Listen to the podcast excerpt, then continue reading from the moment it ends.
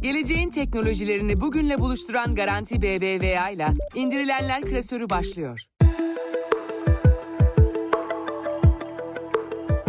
Herkese merhaba. İndirilenler klasörünün 25. bölümünde yine sizlerle birlikteyiz. Bugün yeni bir bölüm, özel bir bölüm. Niçin özel olduğunu bölümün sonlarında konuşacağız. Ben Uğur Mutlu, Erdem Akın Temel'le birlikteyiz yine. Erdem merhaba. Merhaba Uğur, ne haber? Nasılsın? İyiyim Erdem teşekkür ederim. Dediğim gibi özel bir günde birlikteyiz bugün. Aralık ayı gündemiyle dinleyicilerimizin karşısında olacağız. Yoğun bir gündem vardı. Google'ın Gemini gündemi aralığı kapladı. GTA 6'nın fragmanı yayınlandı. Orada karmaşık bir süreç var. Birçok gündem konumuz var bugün yine ama bugün öncelikle sen Azerbaycan'dan yakın tarihte döndün. Ülkenin en büyük teknoloji etkinliğindeydin. Inmerge Innovation Summit. Önemli isimler vardı. Benim biliyorsun hayranı olduğum Shazam uygulamasının CEO'su oradaydı. Senden oradaki günleri dinlemek isteriz. Evet Uğur, yakın bir zamanda ülkenin en büyük teknoloji etkinliği için Azerbaycan'da Bakü'deydim. Inmerge Innovation Summit'i dinledim. O tabii ki daha çok Azerbaycan gündemine yönelik bir etkinlikti. Azerbaycan'ın nasıl bir inovasyon hub'ı olabileceğini konuştular. Pek çok oturum vardı ama oradan birkaç tane oturum bizim için ekstra önemliydi. Senin de bahsettiğin gibi Shazam'ın CEO'su Chris Barton oradaydı. Onun konuşmasını dinledim. Steve Wozniak vardı. Ondan da daha önce bu podcast'te bahsettik. Steve Jobs'la birlikte Apple'ın kurucularından. J.B. Straubel vardı. Ee, umarım ismini doğru söylüyorumdur. Kendisi Tesla'nın kurucularından. Erdem, Shazam biliyorsun bana göre senle hep aramızda konuşuruz. Yüzyılın icadıdır. Hani ChatGPT'den ben onu hala daha önde görüyorum. İnanılmaz bir tool zamanına göre. Shazam senin favori uygulamalarından olduğu gibi benim de favori uygulamalarımdan. Ki neden sevdiğimi orada Chris Barton sahnedeyken bir kez daha anladım. Çünkü 2000'lerde, 2002'lerde yola çıkmış bir şirket. iPhone'ların 2007'de çıktığını düşünürsek aslında ne kadar erken yola çıkmışlar. Ve nerelere geldi? Hatta Apple'a satıldı biliyorsun. Orada tabii Chris Barton daha çok girişimcilere umut vermek, onlara motivasyon sağlamak adına bir konuşma yaptı. O yüzden hani Shazam'ın kuruluş ve büyüme hikayesini çok değinmeyeceğim ama Belki şunları söylemek lazım. Shazam ilk olarak bir e, telefon numarasıyla çalışıyormuş. Yani bir uygulama değil. 2580'i arayıp şarkıyı dinlettiğiniz ve size mesajla hangi şarkının çaldığını söyledikleri bir servis olarak başlamış. Onun dışında Virgin'le bir anlaşma yapmışlar ve onların bütün kataloğunu dijitale taşımışlar. Böylelikle hani şarkıları eşleştirmeyi, kolaylaştırmayı denemişler ki başarılı olmuşlar ki bugün Shazam'dan bahsediyoruz. Yine aynı şekilde popüler olan ve olacak şarkıları belirlemek için film yapımcılarıyla, dizi yapımcılarıyla konuşmuşlar. Onların ses koordinatörleriyle çalışmışlar. Çok çok kısa ve çok çok hızlı anlatıyorum tabii. Çünkü bir saatlik neredeyse bir konuşmaydı. Bu kadar kısa anlatılabilecek bir şey değil ama belki de Chris Barton için en önemli nokta ve belki de bizim orada gördüğümüz en önemli nokta şuydu. Kendisi çok iyi çıktı, çok iyi konuşma yaptı ve konuşmasının sonlarına doğru Shazam'ın 2018'de 400 milyon dolara Apple'a satılmasından bahsetti. Apple satın aldı Shazam'ı ve dinleyenler arasında en ön sırada Steve Wozniak vardı. Wozniak Apple'ın kurucularından hatta Apple bugün onun sayesinde var. Ve Wozniak da onu alkışlayan isimlerden biriydi ve sahnede tokalaştılar. Dijital dönüşüm ve inovasyon konusunda zaten etkinliğe de uygun örnek bir isim olduğunu oradaki izleyicilere bir kez daha göstermiş. Tamam Shazam'ın altyapısı çok güzel, çok güzel bir uygulama ama bunun yanında markasını çok iyi tanıtıyor. Hatta biraz magazinsel olacak ama kimle selfie çekilirse çekilsin bir ekrandan Shazam'ın logosunu açıp onu orada bile tanıtmayı biliyor. Senin bununla da ilgili bir anın var. Evet kendisiyle de ben tanıştım. Ayaküstü bir sohbetimiz oldu. Bir selfie'm var. Sosyal medyada Instagram'da paylaştım. Hemen selfie'ler sırasında Shazam logosu olan telefon ekranını göstererek hemen o fotoğrafı öyle kaydediyor. Ee, marka değerinden falan bahsederken şunu da söyleyeyim. Shazam kullanmayan var mı dedi ve birisi el kaldırdı. Sahneden inip o kişinin yanına gitti. Bir şarkı çalıyordu ve Shazam böyle çalışıyor bak deyip tuşa basıp şarkıyı anında bulup bak sen de bunu kullanabilirsin deyip alkışını aldı ve sahneye geri döndü. Yani aslında 2018'de elden çıkardığı şirketin bile hala çok ciddi reklamını yapıyor. Bu konuda da çok başarılı. Steve Wozniak dinleyenlerden biri olduğunu söyledin. Aynı zamanda oturumu da vardı. Programdan ben gördüm. Ayrıca senle de konuştuk. Oradan notların var mı? Aslında teknoloji dünyasını takip eden isimler için Steve Wozniak çok bilindik bir isim ve Apple'la birlikte hikayesini herkes biliyor az buçuk öyle söyleyebiliriz. O şimdi teknoloji dünyasının en tepesindeki isimlerden biri. Hani vardır ya bir kurucu kültü hani Steve Jobs, Bill Gates, artık tabii Elon Musk oralarda, Mark Zuckerberg oralarda. Şimdi bu isimlerle beraber o üst katta yer alan bir isim olduğu için tabii ki Apple hikayesini, o günlere nasıl geldiğini, teknoloji nasıl baktığını anlattı. Kendisi Apple öncesi devre tasarımı yapıyormuş. Eskiden bu devre tasarımları meselesi insanların yaptığı bir şeydi. Yani şirketler beklenmiyordu. Şimdi bir hobi gibi bir şey oldu. Çok az insan bunu yapıyor. Tasarladığı devreleri diğer mühendislere ücretsiz olarak sunuyormuş. Çünkü onların saygısını kazanmak, daha iyi devre yapmak, daha az parçayla daha fonksiyonel işlere imza atmak istiyormuş. Aslında bütün olay saygı. Steve Jobs aslında bir ürünün peşindeydi ve o kadar teknik bilen bir insan değildi diyor. Bunu biliyoruz yani burada aslında bilmediğimiz bir durum yok. Ama Steve Jobs bir şirketi kurup onu yükseltebilecek bir ürünün peşindeyken kendisi diğer mühendislerin saygısını kazanmak için çalışıyormuş. İkisinin birlikteliği yani teknik konulardan muhteşem anlayan biriyle pazarlamadan, tasarımdan anlayan bir insanın bir araya gelmesi işlerine duydukları aşk aslında Apple'ı kuran, yükselten değer. Şimdi Shazam'ın kurucusu ve eski CEO'su Chris Barton'dan bahsettik. Apple'ın kurucularından Steve Wozniak'tan bahsettik. Etkinliğin bir diğer önemli ismi J.B. Straubel'dan da bahsetmek istiyorum. J.B. Straubel da aslında yine Steve Wozniak gibi bir mucit. Çünkü çeşitli araçları aslında elektrikli hale getirmesiyle bilinen bir isim. De üniversite yıllarında bisikletleri mesela elektrikli bisiklete çevirmiş. Bir dönem hatta bir aracı, bir otomobili de Porsche, bir Porsche 928 hatta benim de çok beğendiğim bir araçtır. Onu da elektrikli yapmış ve bir noktada menzilin sorun olacağını görüp laptop bataryalarını birbirine bağladığı bir sistem yaratmaya çalışmış. Elon Musk da zaten bu e, vesileyle tanışmış. Kendisiyle bir yemekte bir araya gelmiş ve Elon Musk'a şeyi anlatmış. Demiş ki hani benim böyle bir projem var laptop bataryalarını bir araya getirip uzun menzilli bir elektrikli otomobil yapmak istiyorum. Hani e, bu projeyle ilgili çalışıyorum. Elon Musk da bu fikri sevip yeni elden çıkardığı PayPal'dan birazcık aslında oraya kaynak aktarmış. Tesla da tamamen aslında bunun bununla birlikte yükseliyor. Hepimiz aslında bu hikayeyi biliyoruz. Asıl değinmek istediğim nokta şu. J.B. Straubel Tesla'dan ayrılıyor bir noktada. Şu anda Redwood Materials diye bir şirketin başında. Kendisi kurdu hatta bu şirketi. Orada da bataryanın elektrikli otomobiller için ne kadar büyük bir maliyet kaynağı olduğunu farkına varıp içindeki materyallerin neredeyse %100 geri dönüştürülebilir olduğunu fark edip tamamen bir döngü yaratmaya odaklanmış. Yani içindeki nadir elementler, metaller bunları geri dönüştürüp tekrar otomotiv sektörüne dahil etmeye çalışıyor. Bu da hani iklim değişikliğinden bahsettiğimiz, küresel ısınmadan bahsettiğimiz günlerde aslında çok önemli bir nokta. Redwood Materials'ta dinleyicilerimizin takip etmesini, incelemesini gerçekten çok isterim. Güzel bir sürdürülebilirlik örneği aynı zamanda günümüz dünyasının birkaç yıl daha hatta belki birkaç on yıl daha konuşacağı konular. Bu da değerli bir katkı. Erdem GTA yani Grand Theft Auto Rockstar Games'in adeta rockstarı, en büyük yıldızı bana göre ve milyonlarca belki milyar sayıda insana göre Aralık ayı boyunca inanılmaz bir furya vardı ve senle ben de bu oyunun bu serinin hayranıyız. Ben bir fira hariç tüm oyunları oynadım. 1 ve 2'yi bitirip bitirmediğimi hatırlamıyorum çünkü çok zordu. Biraz GTA konuşalım seninle. Biliyorum ki dinleyicilerimiz arasından da bu oyunun tutkunu olanlar vardır, olacaktır. Fragmanı yayınlandı bu ay ve o fragmanın yayınlanma hikayesi aslında bir bilgi sızmasına, video sızmasına dayanıyor. Ben bir iki yorum yapacağım. Öncelikle senin görüşlerini almak istiyorum. E, fragmanı izlemişsindir diye düşünüyorum. 2025 yılında çıkacak bir oyun ama dediğim gibi bazı hesapsızlıklar oldu bu fragman konusunda. Biraz hem buna değinelim. İşin biraz magazinsel tarafı hem de biraz geçmişe dönelim. Seriyi hatırlayalım. Ben fragmanın çıkacağını duydum. Heyecanla da bekliyordum. Ama bir sızıntı haberi olduğunu yani arkasında bir sızıntının olduğunu Digital Age'den editör arkadaşımız Nihan'ın haberinden öğrendim bir sızıntı oluyor. Arkasından Rockstar Games trailer'ı yayınlamak yani fragmanı yayınlamak zorunda kalıyor. Bu çok ilginç. Çok büyük gizlilikle çalışıyorlar. Bu çok ilginç o yüzden. Ve aslında herkesi de heyecanlandıran sadece bir buçuk dakikalık bir fragman. Çok uzun bir fragman değil. Oyun hakkında çok bir şey anlatan bir fragman değil. Tamam birkaç detayı kapıyoruz ama hani böyle bir saatlik bir oyun görüntüsü yok. Ama inanılmaz bir furya. Çünkü ciddi bir dünya var. Eski oyunlardan bildiğimiz çok ciddi bir dünya var. Çok fazla etkileşime girebildiğimiz bir dünya aslında. Ben oyunu çok ciddi merakla bekliyorum.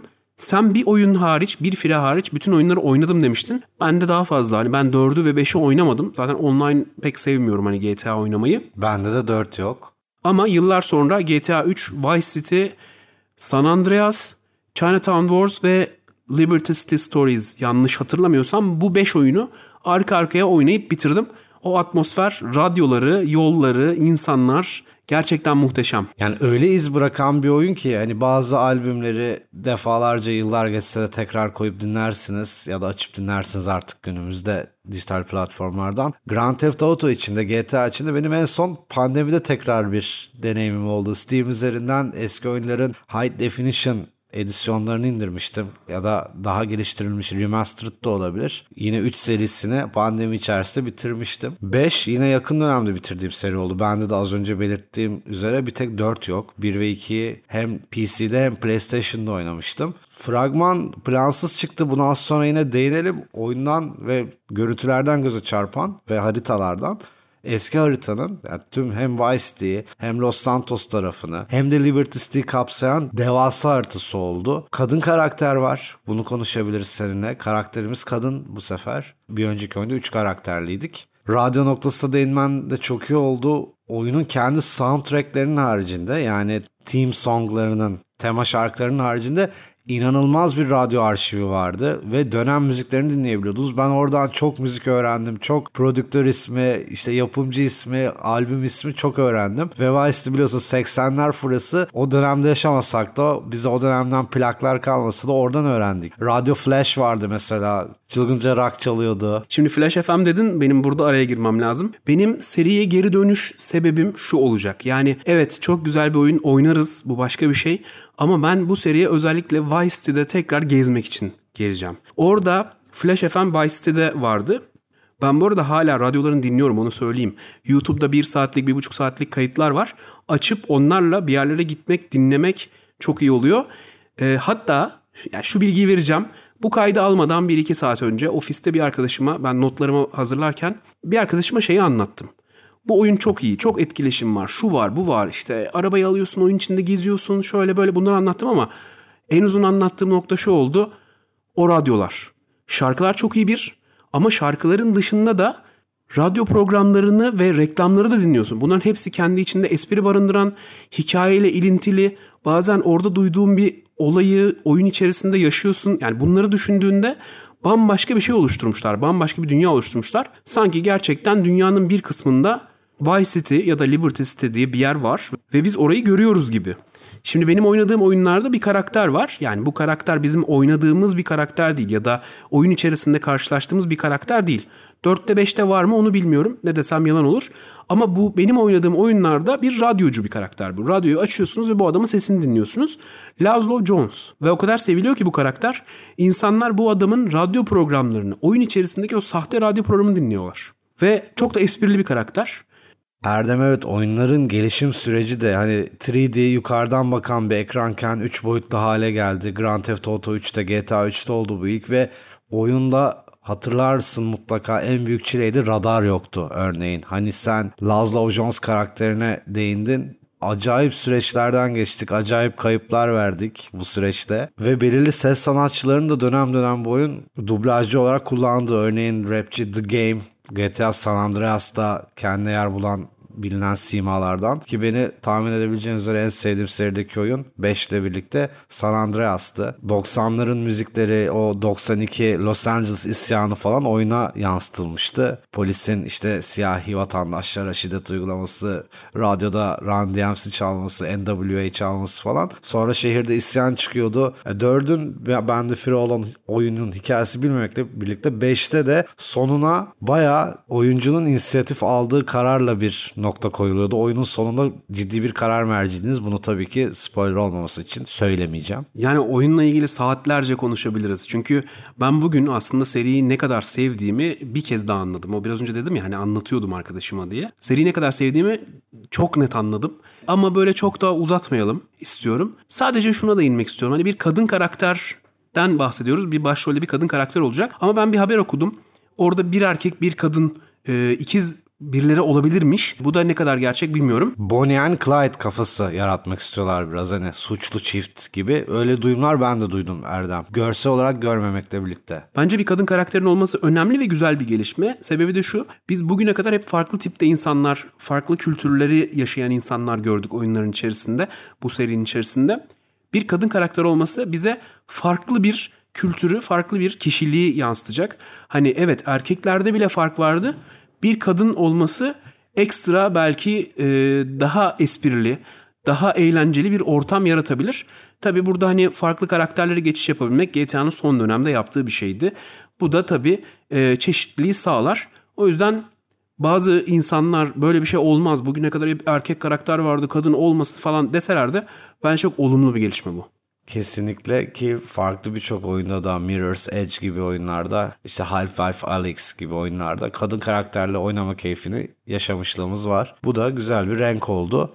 Dilersen Aralık ayının özellikle başlarında teknoloji gündemini ele geçiren OpenAI ayrılıklarından bahsedelim. CEO'su Sam Altman yönetim kurulu kararıyla bir anda görevden alındı. Daha sonra Microsoft'la ilgili Microsoft'un dahil olduğu bir süreç devreye girdi. Hemen dinleyicilerimiz için olabildiğince kısa bir özet geçelim istiyorum. Sam Altman OpenAI'nin CEO'suydu. Sam Altman'ı daha önce Y Combinator'dan biliyorduk. Y Combinator daha çok startuplara destek veren, onlara yol gösteren, yükselmelerini sağlayan bir oluşum.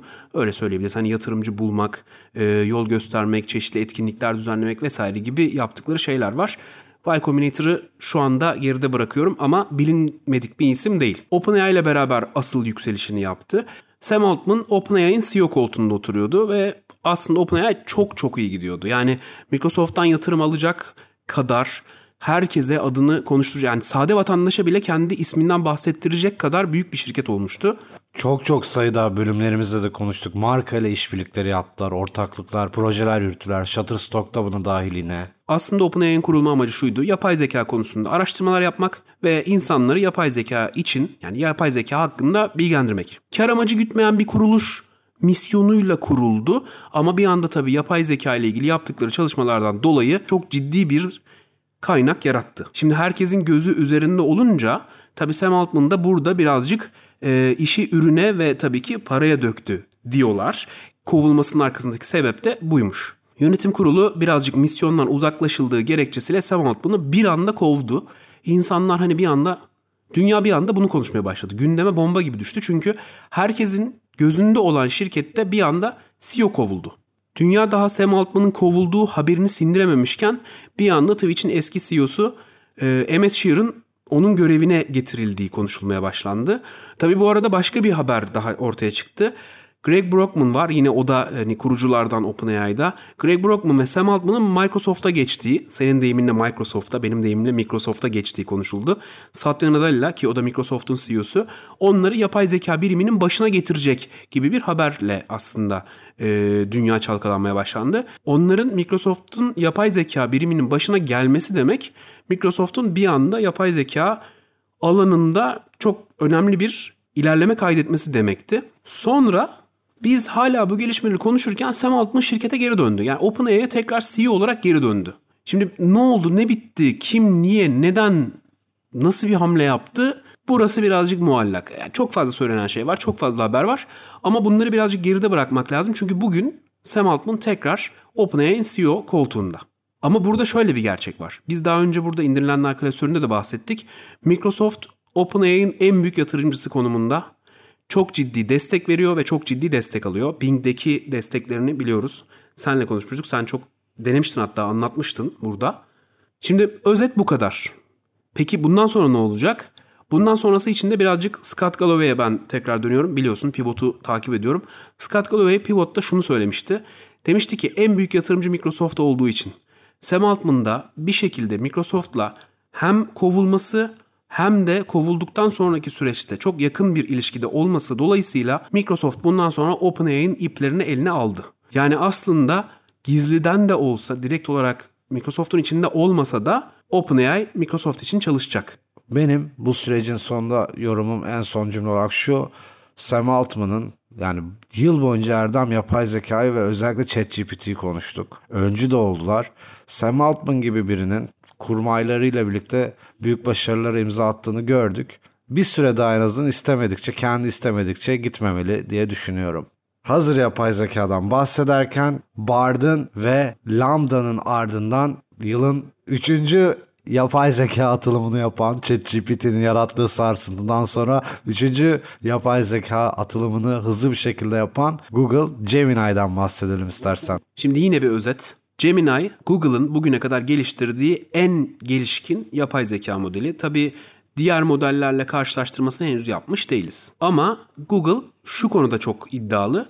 Diyor ki hani bu zamana kadar gördüğünüz yapay zeka modellerinde genellikle işte mesela metin içeriği metin içeriği olarak analiz edilip ondan sonra işte diğer analiz edilen içeriklerle bir araya getiriliyor. Video video gibi, ses ses gibi, metin metin gibi analiz ediliyor ve birleştiriliyor, sentezleniyor.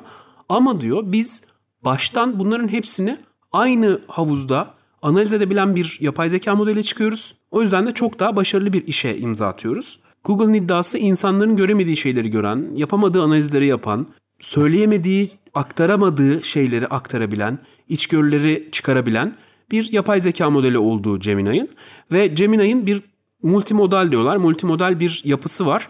Bu da şu anlama geliyor. Yani akıllı telefonlarda da çalışıyor. Bir veri merkezinde çok büyük verinin geçtiği merkezlerde de çalışabiliyor. Zaten 3 modelle sunuyorlar. Nano, Pro ve Ultra şeklinde. Ki hani bunu da şimdi bu kadar gelişkin, bu kadar iddialı Google ki Google çok büyük bir şirket. Tabii ki iddialı olması çok normal. Hala Gemini 1.0 diyorlar. Yani düşünün bu çok gelişkin ama hala birinci versiyon. Yani bu daha nerelere gidecek? Ben şimdi benim sorum bu. Bu daha nerelere gidecek? Erdem, şunu fark ettim. Garanti BBVA Mobil'de herkes için bir kolaylık var. Mesela kredi kartını alışverişe nereden açıyorduk diye artık birbirimize sormuyoruz. Çünkü akıllı asistan Ugi var. Ugi'ye soruyoruz, anında çözüm buluyoruz. Ugi'nin taksitlendirme hatırlatmasını çok sevenler var. İşlemlerini konuşarak çözmeyi seven var ya da yazarak sessizce çözmeyi seven var. Siz de akıllı asistan Ugi ile şimdi tanışın. Tüm bankacılık işlemlerinizi zaman kaybetmeden kolayca yapın. Evet şimdi sırada senin favori uygulamalarından bir tanesi var. Abonelikten çıktın biliyorum. Burada podcast'te konuştuk bunu. Ama sen müziksiz yapamazsın. O yüzden Spotify'dan bahsedeceğim. Biliyorsun ki Spotify her yıl, her yılın sonunda bir rap listesi yayınlıyor. Hani rap ne? Bütün yıl boyunca ne dinledin? En çok hangi türde şarkı dinledin? En çok dinlediğin parça, en çok dinlediğin podcast hangisiydi? Bunları bize veriyor. Evet Spotify her yıl bize bir bayram coşkusu gibi Rapid coşkusu yaşatıyor. Hepimiz sabırsızlıkla bunu bekliyoruz. Ben de belirttiğiniz üzere son 4 ya da 5 ayda olabilir. 4 aydır diyelim. Aboneliğimi iptal etmiş olsam da güzel verilerle karşılaştım. Şimdi önce türleri öğreneceğim senden. En çok hangi türleri dinledin? Ben önce kendi bilgilerimi vereyim. Rock dinlemişim en çok. Arkasından Fransa indie pop geliyor. Biraz ilginç. Fransızca bilmeyen ama öğrenmeye çalışan biri olarak herhalde onun etkisini gördüm. Elektronik, pop dance ve organik elektronik var.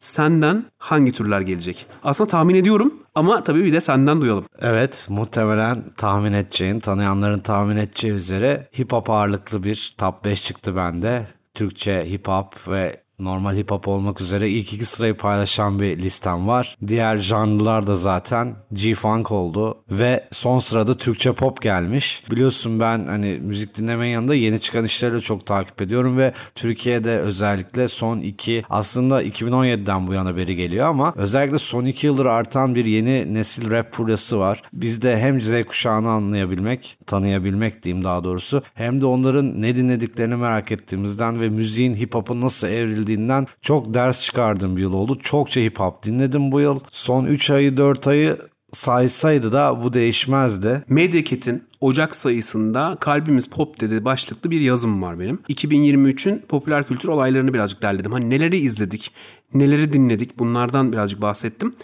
Spotify bir rap listesi yayınlarken ülke listesi de yayınlıyor. Ve bu ülke listesinde 2018'den beri rap bir numaradaydı. Yani en çok dinlenen türdü Türkiye'de. Ama bu yıl Semi Cenk en çok dinlenen sanatçı oldu. Ve bir anda aslında pop o listeye zirveden girmiş oldu. Yani Türkiye'de türler arası bir geçiş var. Artık birazcık daha farklı. Hani rapten birazcık daha başka türlere doğru kayıyoruz gibi bir durum var. Ben şunu da fark ettim, şunu da gördüm listelerde. En çok dinlenen şarkı da Simge'nin Aşkın Olayım şarkısı olmuş. Bu şarkıyı dinleyicilerimiz bilirler. Galatasaraylı futbolcu Arjantinli Mauro Icardi'nin gol attığında Galatasaray tribününde çalan bir şarkıydı. Kendisiyle eşleşti adeta. Buradan da spor kültüründen de yine müziğe bir geçiş oldu. Geçişler bu yıl çok olmuş müzikte. Şimdi rap listelerine de bakınca. Erdem sene boyunca bizlerden desteğini esirgemeyen Podi, Podi platformu ilginç bir şekilde sene boyunca bahsetmediğimiz bir app olmuş ki her hafta 25 bölüm boyunca 3 tane canlı yayınımız hariç app'lere değindik. bölüm sonlarında Vedat Sözel bölümü hariç. Şimdi neden değinmedik ona da bir değinmek lazım burada tabii. O kadar hızla gelişen ve o kadar fazla özelliğin eklendiği bir uygulama ki kullandığımız gibi hani şunu da ekleyelim bunu da ekleyelim dur bu da olacak derken aslında değinmedik. Ama bizim için çok özel bir bölüm olduğu için Podi'ye burada yer vermek, bu bölümde yer vermek bizim için çok önemli. Podi podcast içerik üreticilerinin ve dinleyicilerin desteğine sunulan, içeriklerin, kesitlerin etkileşim alabildiği, podcast yayınlarının dışında platforma özgü podcaps yani 60 saniyelik podcast kesitlerinin yer aldığı bir platform. İçeriklerinizi paylaşmanıza ve insanların paylaştığı içerikleri dinlemenizi imkan veriyor. Birçok podcast'in sorunu etkileşim alamamak olabiliyor bazen. Seyircinin nabzını tutamamak, seyircinin kendisiyle ilgili görüşlerini bilememek olabiliyor. Podi buna imkan veriyor özet olarak bir podcast uygulaması olarak. Feedback alabiliyorsunuz yorumlardan, etkileşimden. Hatta şöyle bir tabir var. Podcast'in Instagram'ı bile denebilir bu güzel app için. Tabii şöyle hani sadece Türkiye'deki değil dünyadaki podcastlerde Podi'de yer alıyor. Bir şekilde podcast yaratıcısına ulaşmak istediğinizde, ona yorumunuzu bildirmek istediğinizde ya da ya bu podcast'in içerisinde böyle bir şey vardı. Ben de şöyle bir an yaşamıştım. Dur bunu da paylaşayım dediğinizde işte Podi'yi kullanabiliyorsunuz. Hani yorum olarak yazabiliyorsunuz ya da sesle bunu paylaşabiliyorsunuz. Sevdiğiniz bir podcast'in, sevdiğiniz, istediğiniz bir kesitini mesela indirilenler klasörünün belli bir kısmını alıp oradan Podcaps adıyla ki o hani story gibi düşünün paylaşabiliyorsunuz. Başka platformlarda da paylaşabiliyorsunuz. Mesela Instagram'da. Bu bize de aslında fayda sağlayan bir özellik. Ya da kendi podcast'inizi tek tuşla kaydedebiliyorsunuz. Efektler ekleyebiliyorsunuz. Yani podcast'e dair her şey var. Ben podcast kaydedemiyorum çünkü mikrofonum yok. Ama telefonum var ve podim var. Anlatmak istediğini direkt olarak orada anlatabiliyorsun. Belirttiğin üzere efektler var. Kurgu tool'u var uygulamanın kendi içerisinde. Aynı zamanda kullanıcılar farklı podcastlerden içerik paylaşıp bunu aralarında tartışabiliyorlar ve bunu yaparken de yakın dönemde aktif olan sesli not özelliği var uygulamada. Yani örneğin bir postun, bir paylaşımın altında o podcast'in farklı bir dinleyicisiyle sesli olarak uzun uzun yazmadan tartışabiliyorsunuz. Yani bu da podcast'in ses odaklı kültürüne bir çeşit atıfta bulunuyor diyebiliriz. Erdem bu bölüm 25. bölüm. Bölümün başında da bahsettiğimiz üzere özel bir bölüm. Çünkü bugün indirilenler klasörünün sezon finali ve aynı zamanda daha da önemlisi doğum günü. Bugün indirilenler klasörü bu kayıt tarihi itibariyle bir yaşına girdi. Hatta ikinci yaşından gün aldı. Sezon finaliyle yeni sezonda yeni sürprizlerle dinleyicilerimizin karşısında olmak için vedalaşalım ama bundan önce bu yıl nasıl geçti? Benim etmek istediğim teşekkürler var. Muhakkak ki senin de vardır. Brandwick'te canlı yayınlarımız, DATS'ta, Digital Age Tech Summit'te özel bölümümüz oldu konuklarla. Bir yılı geçirmişiz seninle. Kocaman 365 gün. Bunun neticesinde çıkan 25 bölüm. Bugün senin de belirttiğin gibi indirilenler klasörünün doğum günü. Biz böyle bir günde kayıt alıyoruz. Bu benim için çok değerli aynı gün kayıt alıyor olmak çok değerli. Çünkü biz bir yıl önce bir adım attık. İlk adım atmak çok zor. Çünkü insan kendi sesini dinlemeye aslında dayanamıyor. Çok istemiyoruz. Bize garip geliyor. Ama ben bir yıldır kendi sesimi dinliyorum. Sen benim sesimi benden fazla dinliyorsun. Çünkü kurguyu sen yapıyorsun. Bu zahmetli bir iş ama çok severek yaptığımız bir iş. Ben bugün de çok keyif aldım. Birinci bölümde de çok keyif aldım. 25 bölüm umuyorum 125 bölüm, 225 bölüm bu böyle gidecek. Seneye yine bir doğum gününde kayıt alacağız. Bizi destekleyen herkese, tabi burada uzun bir liste var. Bizi destekleyen herkese çok teşekkür ediyorum. Önümüzdeki yıl sürprizlerle tekrar indirilenler klasörüyle dinleyicilerimizle birlikte olacağız. Tabi en büyük teşekkür de onlara gidiyor. Bunu da söylemek gerekiyor. Bir yılın ardından seninle tabii burada müsaadenle teşekkür etmek istediklerimiz var. Hem kişiler hem kurumlar var. Bize bu süreçte en başından beri destek veren ve podcast'i yapmamıza olanak tanıyan Medeket ve Digital Age Genel Yayın Yönetmeni Pelin Özkan'a, aynı şekilde senin halen parçası olduğun Medeket ve Digital Age yazı işlerine Etkinliklerde bizden desteğini esirgemeyen Kapital Medya Event ekibine, 13 bölümdür sponsorluğumuzu üstlenen ve bizlere destek olan Garanti BBVA'ya, az önce haftanın uygulamasında da bahsettiğimiz Podi'ye, şahsım adına süreçte bana destek olan şirketim Speaker Agency'ye ve tabii ki dinleyicilerimize bizleri yayınlarımızda ve dijital platformlardaki bölümlerimizde yalnız bırakmayan arkadaşlarımıza, dostlarımıza, ailemize teşekkür etmek istiyorum. Bu bir yıl için unutulmayacak deneyimler yaşadık. Ufaktan müsaadenizi istiyoruz sezon finaliyle. Teşekkür listemizi sen saydığına göre artık pasta kesmek için bölümü sonlandırabiliriz. Yeni yılda sürprizlerle görüşmek üzere diyelim. Geleceğin teknolojilerini bugünle buluşturan Garanti BBVA ile indirilenler klasörü sona erdi.